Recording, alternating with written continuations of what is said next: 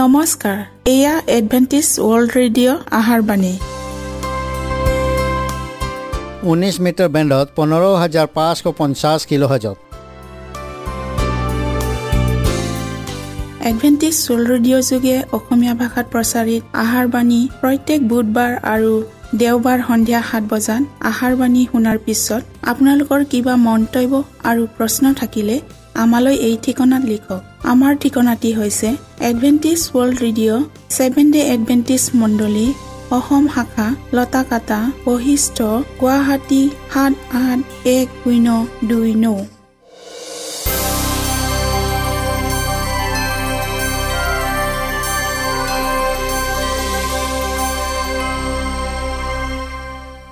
প্ৰিয় শ্ৰোতা বন্ধুসকল এতিয়া শুনো আহক এটি খ্ৰীষ্টীয় ধৰ্মীয় গীত।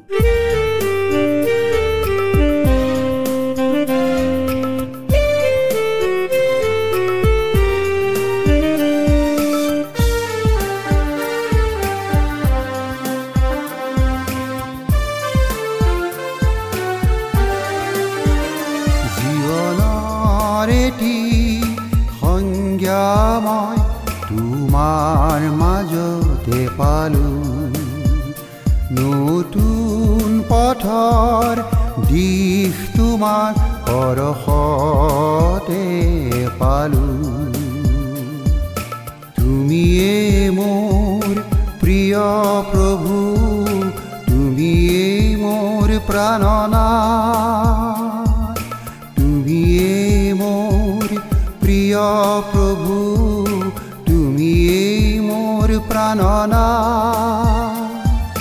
ৰিক্ত জীৱনত মোৰ আশাৰ পুষ্পৰত মোৰ আশাৰ পুষ্পৰ জীৱনৰ এটি সংজ্ঞা মই তোমাৰ মাজতে পালোঁ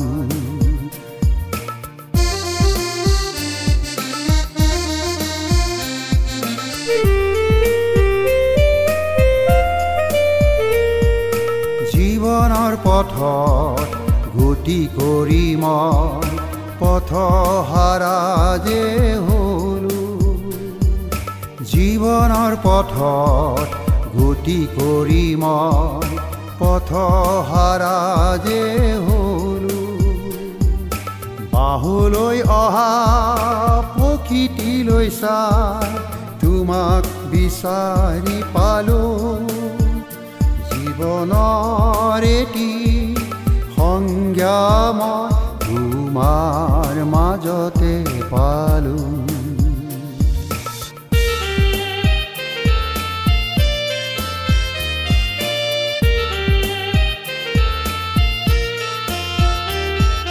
দুখৰ সাগৰ পাৰ হৈ প্ৰভু তোমাৰ কোলাতে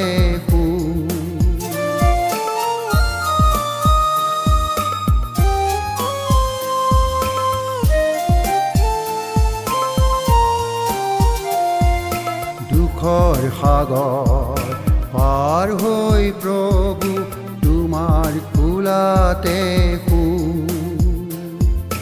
আকাশৰ নীলি বুকুৰ সিপাৰে গৈ তাতে লম আকাশৰ প্ৰিয় শ্ৰোতা বন্ধুসকল আহক আমি খন্তেক সময় বাইবেল অধ্যয়ন কৰোঁ হওক। সংশয় আঁতৰ কৰা।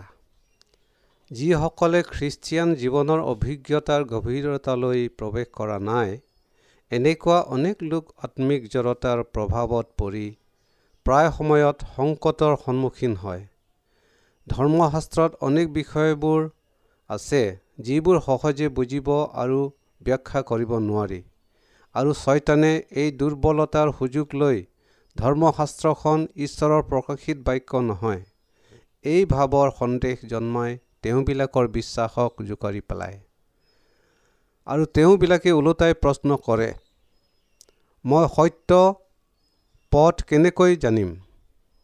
আৰু বাইবেলখন যদি প্ৰকৃততেই ঈশ্বৰৰ নিশ্বাসিত বাক্য হয় তেন্তে তাক বুজিবৰ কাৰণে মোৰ মনৰ এই সন্দেহ আৰু কিং কৰ্তব্য বিমূৰতাৰ পৰা কেনেকৈ মুক্তি পাম? যিহৰ ওপৰত আমাৰ বিশ্বাস স্থাপিত হ'ব তাৰ কাৰণে ঈশ্বৰে আমাক সম্পূৰ্ণ প্ৰমাণ নিদিয়ালৈকে তাত ভৰসা কৰিবলৈ কেতিয়াও কোৱা নাই। তেওঁৰ অস্তিত্ব তেওঁৰ ঐশ্বৰিক মহানতা তেওঁৰ নিশ্বাসিত বাক্যৰ সত্যতা এই আটাইবোৰেই প্ৰত্যক্ষ প্ৰমাণৰ দ্বাৰাই যুক্তিৰ স্থিৰতা সাব্যস্ত কৰে। আৰু এই প্ৰমাণ বা সাক্ষ্যই বিশ্বাসৰ কাৰণে যুক্তিযুক্ত। তথাপিও সন্দেহৰ সম্ভাৱনাক নুই কৰিব নোৱাৰে বুলি ঈশ্বৰে কোৱা নাই। আমাৰ বিশ্বাস সাক্ষ্যৰ ওপৰত স্থাপিত হ'ব লাগে। কোনো আৱেগ অনুভূতিৰ দ্বাৰাই নহয়। যিসকলে স্বৰূপেই সত্যক জানিবলৈ আগ্ৰহী তেওঁবিলাকে যথেষ্ট পৰিমাণে ইয়াৰ সাক্ষ্যৰ প্ৰমাণ পাব। যিহৰ ভিত্তিত তেওঁবিলাকৰ বিশ্বাস স্থিতি হ'ব। আমাৰ ক্ষুদ্ৰ মন আৰু জ্ঞানেৰে মহান জনাৰ আটাই নীতি নিয়ম কাৰ্যপ্ৰণালী সম্পূৰ্ণকৈ জনা অসম্ভৱ। জগতৰ মহাজ্ঞানী আৰু শিক্ষিত দাৰ্শনিক পণ্ডিত আদি লোকৰ মনত পবিত্ৰ আৰু সৰ্বশক্তিমান জনা সদায়েই ৰহস্যৰ বৃত হৈ থাকিব। তুমি অনুসন্ধান কৰি ঈশ্বৰৰ তত্ত্ব পাব পাৰানে? তুমি সৰ্পশক্তিমান জনাৰ সম্পূৰ্ণ তত্ত্ব লাভ কৰিব পাৰানে? সেয়ে আকাশমণ্ডলৰ নিচিনা ওখ তুমি কি কৰিব পাৰা? সেয়ে চিউলতকৈ অগাধ তুমি কি জানিব পাৰা? ধৰ্মশাস্ত্ৰৰ ইউব এঘাৰ অধ্যায় সাত আৰু আঠ পদৰ এই বাক্যটিয়েই ইয়াৰ সত্যতা প্ৰমাণিত কৰে। পৌলে আশ্চৰ্য প্ৰকাশ কৰি কৈছে ঈশ্বৰৰ জ্ঞান আৰু বুদ্ধিৰূপ ধন কেনে দহ? তেওঁৰ বিচাৰবোৰ বোধৰ কেনে অগম্য? আৰু তেওঁৰ পথ অনুসন্ধান কৰা কেনে অসাধ্য? ৰুমিয়া এঘাৰ অধ্যায় তেত্ৰিছ পদ। ডায়ুদেও কৈছে মেঘ আৰু অন্ধকাৰৰ তেওঁৰ চাৰিওফালে আছে। ধাৰ্মিকতা আৰু ন্যায় বিচাৰেই তেওঁৰ সিংহাসনৰ ভীতিমূল। গীতমালা সাতানব্বৈ অধ্যায় দুই পদ। উপৰোক্ত শাস্ত্ৰপদবোৰেই প্ৰমাণ কৰা তেওঁৰ অস্তিত্ব। তেওঁ আমাৰ প্ৰতি কৰা ন্যায় আচৰণ আৰু কাৰ্যত পৰিণত। কৰি দেখুওৱা প্ৰমাণবোৰেৰে ইমানখিনিলৈ বুজি পোৱা যায় যে তেওঁ আমাৰ প্ৰতি অপৰিসীম প্ৰেম দয়া শক্তি নিশিত হৈ আছে। তেওঁৰ ইচ্ছা অনুসাৰে আমাৰ প্ৰতি যিখিনি ভাল ইয়ালৈকেহে জানিব পাৰোঁ। আৰু ইয়াৰ অতিৰিক্ত দয়াবান সৰ্বশক্তিমানজনৰ ওপৰত নিৰ্ভৰ কৰিব লাগিব। ঈশ্বৰৰ বাক্য ঈশ্বৰীয় অধিকৰ্তাজনাৰ দৰেই সহজ ভেদা নহয় যে ক্ষুদ্ৰ মনুষ্যই এইবোৰৰ সম্পূৰ্ণ তত্ত্ব বা ৰহস্য ভেদ কৰিব পাৰে নাইবা কৰিব পাৰিব। জগতলৈ পাপৰ প্ৰৱেশ খ্ৰীষ্টৰ জন্ম পুনৰুত্থান আৰু এনে অনেক গভীৰ বিষয়সমূহ বাইবেলত উল্লেখ আছে যিবোৰ ৰহস্যজনক আৰু নিগুৰ।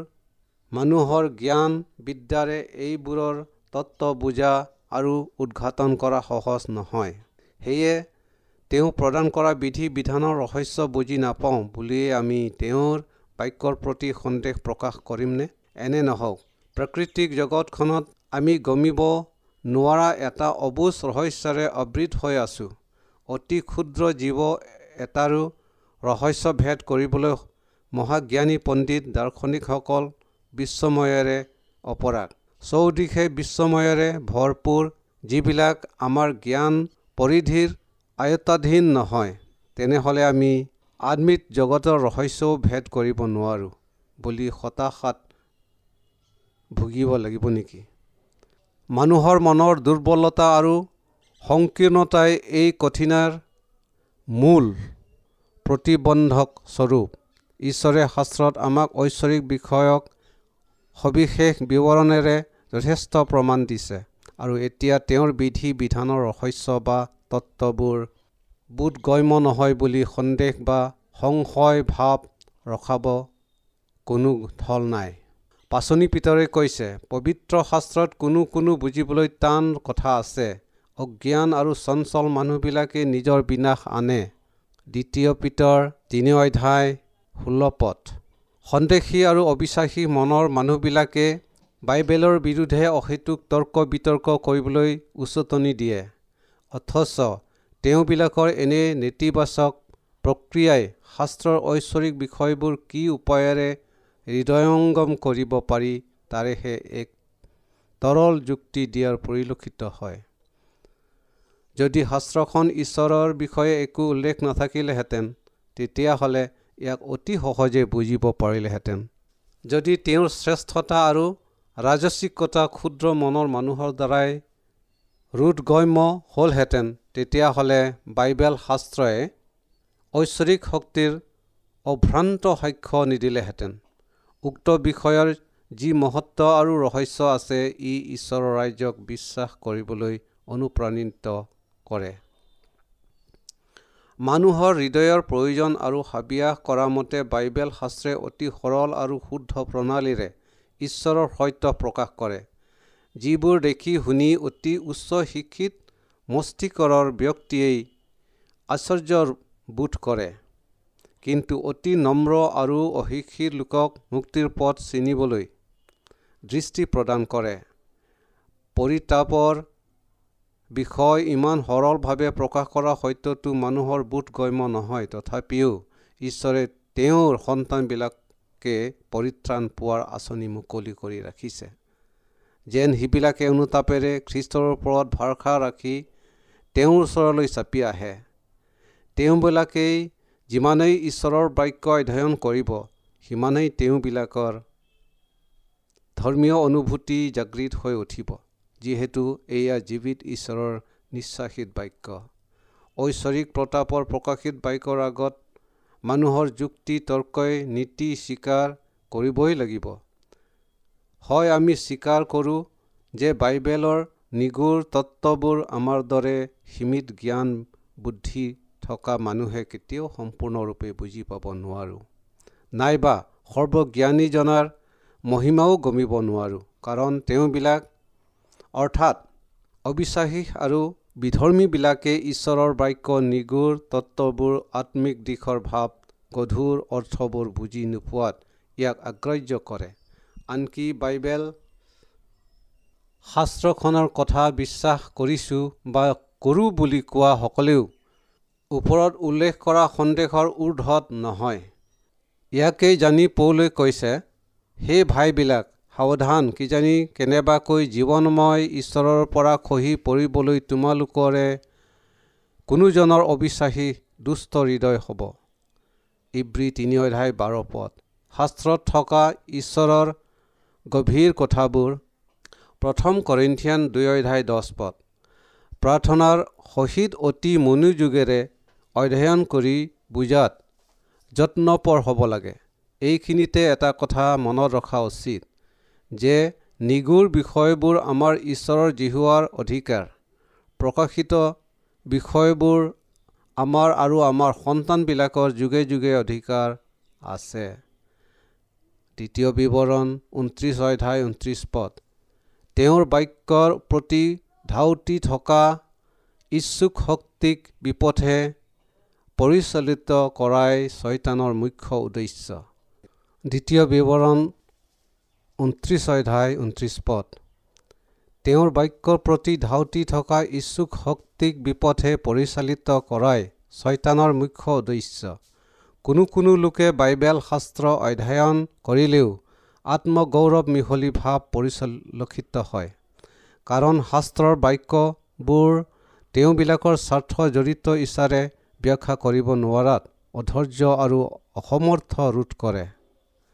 আনহাতে ঈশ্বৰৰ নিশ্চাহিত বাক্য বুজি নোপোৱাত আৰু তাৰ প্ৰকৃত অৰ্থ ব্যাখ্যা কৰিবও নোৱাৰাত এই অসমৰ্থতা স্বীকাৰ কৰিবলৈও তেওঁবিলাকৰ মনত অতি হীন মানত্য ভোগা যেন বোধ হয়। ঈশ্বৰৰ পৰা হোৱা প্ৰকাশিত সত্যলৈ তেওঁবিলাকে ধৈৰ্যৰে অপেক্ষা কৰিব নোৱাৰে। পবিত্ৰ শাস্ত্ৰৰ কথাবোৰ বুজি পাবলৈ মানুহৰ নিজ জ্ঞান বিদ্যাই যথেষ্ট। আৰু যেতিয়াই তেনে স্বাভিমান ভাৱ উপলব্ধি হয় তেতিয়াই ইচ্ছাকৃতভাৱে বাক্যৰ ন্যায়সংগত ক্ষমতা অস্বীকাৰ কৰে।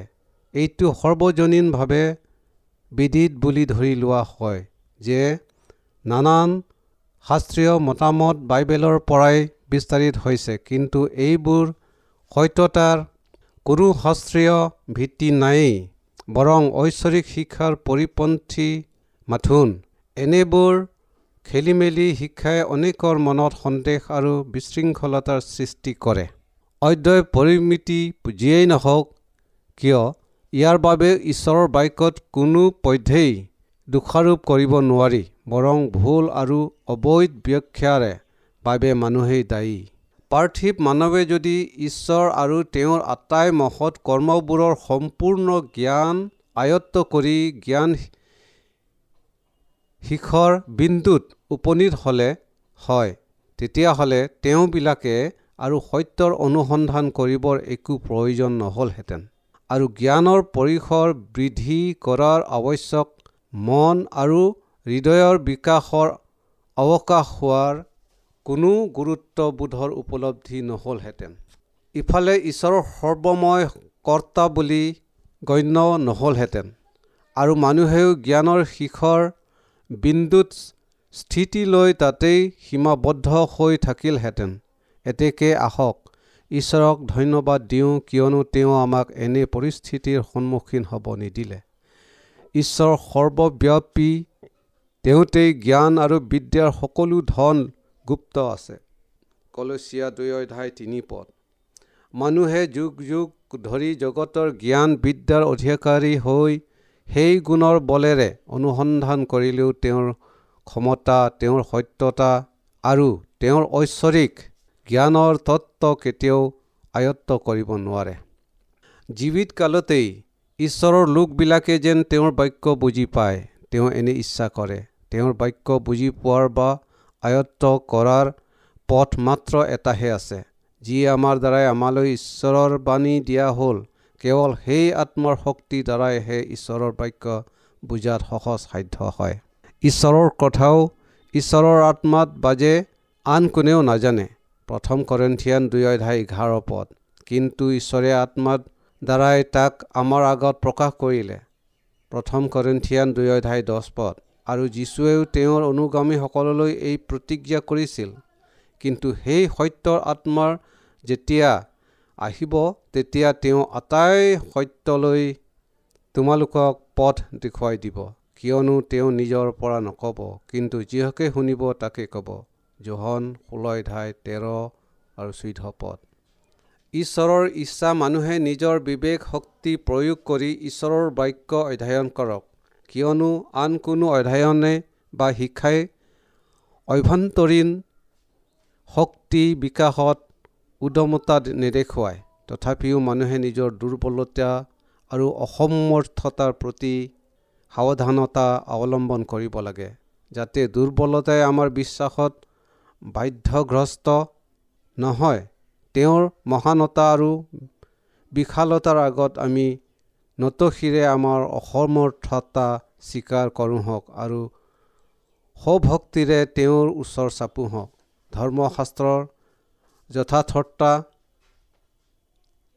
আৰু যুক্তিৰ আধাৰত আমাৰ জীৱিত জ্ঞান বুদ্ধিৰে মই আছোঁ। জনাৰ দৃষ্টিত অতি নগণ্য ইয়াক স্বীকাৰ কৰোঁ হওক। অনেক বিষয় আছে যিবোৰ কঠিন আৰু অসম্ভৱ বুলি প্ৰতীয়মান হ'লেও যিসকলে ঈশ্বৰৰ বাক্য বুজি সেইবোৰৰ অনুসৰণ কৰিবৰ আগ্ৰহ্য কৰে তেওঁবিলাকলৈ সেই পথ সহজ সৰলভাৱে প্ৰকাশ কৰি দিয়ে। কিন্তু পবিত্ৰ আত্মাৰ দ্বাৰাই পৰিচালিত হোৱাৰ অবিহনে আমি শাস্ত্ৰক সেই একেই অৰ্থ বিকৃত কৰা আৰু ভুল ব্যাখ্যাৰ অৱতাৰণা হোৱাৰ সম্ভাৱনা প্ৰকট হৈ উঠিব। অন্য মনস্ক হৈ বাইবেল শাস্ত্ৰখন অধ্যয়ন কৰা ভাও ধৰিলে। আমাৰ উপকাৰ হওক চাৰি বহু ক্ষেত্ৰত নিশ্চিত ক্ষতি সাধন হোৱাৰ সম্ভাৱনাই প্ৰবল। যেতিয়া ভক্তিহীনভাৱে আৰু প্ৰাৰ্থনা নকৰাকৈ ঈশ্বৰৰ বাক্য অধ্যয়ন কৰা হয় তেতিয়া আমাৰ চিন্তাধাৰা আৰু প্ৰেম ভাৱ ঈশ্বৰৰ প্ৰতি দৃঢ় নহয়। নাইবা তেওঁৰ ইচ্ছাৰ দৰে আমাৰ ইচ্ছা নহয়। তেতিয়া আমাৰ মন সন্দেহৰ ভাৱেৰে আৱৰি ধৰে। আৰু আমাৰ আত্মিক জড়তা দৃঢ় হৈ পৰে। ইয়াৰ সুযোগতে মহাশত্ৰু ছয়তানে আমাৰ ভাৱধাৰক তাৰ আয়ত্তাধীন কৰি সম্পূৰ্ণ বিপৰীত ভাৱ জগাই তোলে। মানুহ যিমানেই শিক্ষিত নহওক কিয় ঈশ্বৰৰ সৈতে সমন্বয় ৰখা কৰা তেওঁলোকৰ কথা আৰু কামৰ মাজত সামঞ্জস্য নাথাকিলে শাস্ত্ৰৰ বাক্য ভুল বুজাটো নিতান্তই স্বাভাৱিক আৰু তেওঁবিলাকে শাস্ত্ৰৰ বাক্য ব্যাখ্যা কৰা অৰ্থবোৰ নিৰ্ভুল আৰু বিশ্বাসযোগ্য হ'বই নোৱাৰে। যিসকলৰ অন্তৰত আত্মিক দৃঢ়তা একেবাৰেই নাই তেওঁবিলাকে বাইবেল শাস্ত্ৰখন নেতিবাচক দৃষ্টিভংগীৰো চাই অনৈক্যতাৰ সৃষ্টিহে কৰে। প্ৰকৃততে যিবোৰ সৰল সহজ শাস্ত্ৰীয় বিষয় তেওঁবিলাকৰ অদূৰদৰ্শিতা আৰু বিকৃত দৰ্শনে সেইবোৰৰ প্ৰতি নানা অবিশ্বাস আৰু সন্দেহৰ ভাৱ সৃষ্টি কৰিব। তেওঁবিলাকে নিজকে যিমানেই চন্মবেশেৰে ঢাকি নাৰাখক কিয় সন্দেহ আৰু অবিশ্বাসৰ মূল কাৰণটোৱেই হ'ল পাপক ভাল পোৱা বা প্ৰেম কৰা অহংকাৰী গৰ্বী পাপক ভাল পোৱা অবাধ্য লোকবিলাকে ঈশ্বৰৰ বাক্য শক্তিৰ প্ৰতি সংশয় আৰু সন্দেহৰ ভাৱ লৈ গ্ৰহণ কৰাৰ পৰা বিৰত থাকে। আমি সত্যক হৃদয়ংগম কৰিবলৈ হ'লে নিজকেই বিনম্ৰভাৱে আৰু ইচ্ছুক মনোভাৱেৰে ইয়াৰ বাধ্যতা মানি ল'ব লাগিব। কাৰণ এই সত্যই আমাক পৰিত্ৰাণৰ পথ চিনি পাবলৈ আত্মিক দৃষ্টি মুকলি কৰি দিব পাৰে। যীশুৱে কৈছিল যদি কোনোৱে তেওঁৰ ইচ্ছা পালন কৰিবলৈ মনস্থ কৰে তেন্তে এই উপদেশ ঈশ্বৰৰ পৰা হয়। তেওঁ তাক জানিব জহন সাত অধ্যায় সোতৰ পদ। শাস্ত্ৰৰ যি বিষয় আপুনি নুবুজে অনৰ্থক প্ৰশ্ন আৰু বাক বিতণ্ডৰ সৃষ্টি নকৰি সেই বিষয়ে বুজিবলৈ বা জানিবলৈ চেষ্টা কৰক। কিয়নো আত্মিক বিষয়ৰ সচেতনতা প্ৰত্যক্ষ প্ৰমাণ সহিত অতি সুশিক্ষিত আৰু একেবাৰে অশিক্ষিত বা নিৰক্ষৰ জনলৈকো প্ৰকাশ কৰি ৰখা হৈছে। ঈশ্বৰে তেওঁৰ হৈ আমাৰ তেওঁৰ বাক্যৰ আৰু প্ৰতিজ্ঞাৰ সত্যতাৰ প্ৰমাণ কৰিবলৈ আমন্ত্ৰণ জনাই কৈছে যি হোৱা যে মংগলময় তাক তোমালোকে আচ্ছাদন কৰি চোৱা। গীতমালা চৌত্ৰিছ অধ্যায় সাত পদ। আমি আনৰ কথাৰ ওপৰত নিৰ্ভৰ কৰাতকৈ নিজেই পৰীক্ষা কৰি চাওঁ হওক। তেওঁ কৈছে খোজা তেহে পাবা। জহন ষোল্ল অধ্যায় চৌবিছ পদ। তেওঁৰ মুখৰ প্ৰতিজ্ঞা কেতিয়াও লৰচৰ নহ'ব। নিশ্চয় সিদ্ধ হ'ব। আমি যিমানেই যীশুৰ ওচৰ চাপোঁ সিমানেই তেওঁৰ প্ৰেমত আৰু আনন্দ পৰিপূৰ্ণ হোৱাৰ উপৰিও তেওঁৰ পোহৰৰ সন্মুখত আমাৰ আটাই সন্দেহ আৰু অন্ধকাৰ অন্তৰ্ধান হৈ যায়। পাচনি পৌলে কৈছে তেৱেই আমাক অন্ধকাৰৰ পৰাক্ৰমৰ পৰা উদ্ধাৰ কৰি নিজ পুত্ৰৰ প্ৰেমৰ ৰাজ্যত স্থানান্তৰ কৰি থলে। কলচীয়া এক অধ্যায় তেৰ পদ। আৰু যিবিলাকে মৃত্যুৰ পৰা জীৱনলৈ পাৰ হ'ল তেওঁবিলাকে ঈশ্বৰৰ যে সত্য এই কথা তেওঁ মোহৰ মাৰিলে। জোহন তিনি অধ্যায় তেত্ৰিছ পদ। তেওঁৰ মোহৰৰ চাপ পোৱাজনে সাক্ষ্য দিছে মোৰ অভাৱ খ্ৰীষ্টই পূৰ কৰিলে আমাৰ ভোক নিবাৰণ কৰিলে।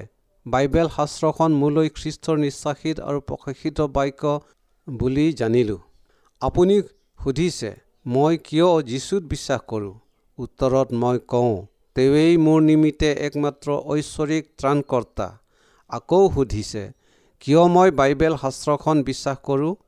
পুনৰাই মই কওঁ এয়া মোৰ হৃদয়ৰ প্ৰতি একমাত্ৰ ঈশ্বৰৰ মাত। যীশুৱে যে ঈশ্বৰৰ পুত্ৰ বাইবেল শাস্ত্ৰখন যে সত্য আমি নিজেই ইয়াৰ সাক্ষ্য দিব পাৰোঁ। আমি জানো মনে সজা গল্প কথা অসাৰ অনুগামী আমি নহওঁ। ছেকেণ্ড পিতৰ এক অধ্যায় ষোল্ল পদ চাওক। পিতৰে বিশ্বাসীবিলাকক উৎসাহিত কৰি কৈছে প্ৰভু আৰু ত্ৰাণকৰ্তা যীশুখ্ৰীষ্টৰ অনুগ্ৰহত আৰু জ্ঞানত বাঢ়ি বাঢ়ি যোৱা। দ্বিতীয় পিতৰ তিনি অধ্যায় ওঠৰ পদ। মানুহ যেতিয়া ঈশ্বৰৰ অনুগ্ৰহত আৰু জ্ঞানত বিকাশশীল হয় তেতিয়াই তেওঁৰ বাক্য ফটফটীয়াকৈ বুজিবলৈ সক্ষম হয় আৰু এই নিৰ্ঘাত সত্যৰ নতুন জ্যোতি আৰু সৌন্দৰ্য মহত্ব বুজি পাব। মণ্ডলীৰ ইতিহাসত এয়া যুগে যুগে চলি অহা পৰম্পৰা আৰু এই পৰম্পৰা শেষলৈকে চলি থাকিব। দুপৰলৈকে ক্ৰমে বৃদ্ধি পোৱা অৰুণৰ যি দীপ্তি ধাৰ্মিকৰ পথ সেই দীপ্তিৰ নিচিনা সিটোপদেশ চাৰি অধ্যায় ওঠৰ পদ। এতিয়া ঈশ্বৰৰ বাক্য বুজাত যি কঠিনতা আৰু দুৰ্বৃদ্ধতা পৰ্যায়ত আছোঁ তেতিয়া সেইবোৰ বুজিবলৈ সক্ষম হোৱাৰ উপৰিও শান্তি আৰু আনন্দৰ জীৱন অতিবাহিত কৰাৰ প্ৰেৰণা পাম। এতিয়া আমি আমাৰ ক্ষুদ্ৰ জ্ঞানেৰে আটাই ঐশ্বৰিক জ্ঞান আয়ত্ব কৰা অসম্ভৱ। কিয়নো এতিয়া আমি দাপোনত দেখাৰ দৰে স্পষ্টকৈ দেখিছোঁ কিন্তু তেতিয়া সন্মুখা সন্মুখীকৈ দেখিম। দ্বিতীয় কৰিন্ঠিয়ান তেৰ এধাই বাৰ পদ।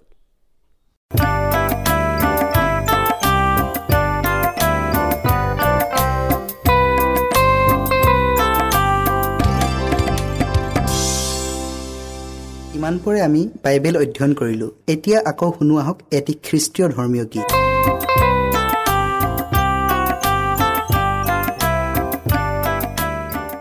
মনত ৰাখিব আমাৰ ঠিকনাটি পুনৰ কৈ দিছোঁ Adventist World Radio' Assam Region of Seven Day Adventist Voice of Hope Latakata Basistha Guwahati seven eight one zero' two nine প্ৰিয় শ্ৰোতা বন্ধুসকল এডভেণ্টিজ ৱৰ্ল্ড ৰেডিঅ' যোগে আহাৰবাণী প্ৰচাৰত আপোনালোকক পুনৰ লগ পোৱাৰ আহাৰে আজিলৈ সামৰিলোঁ। ধন্যবাদ।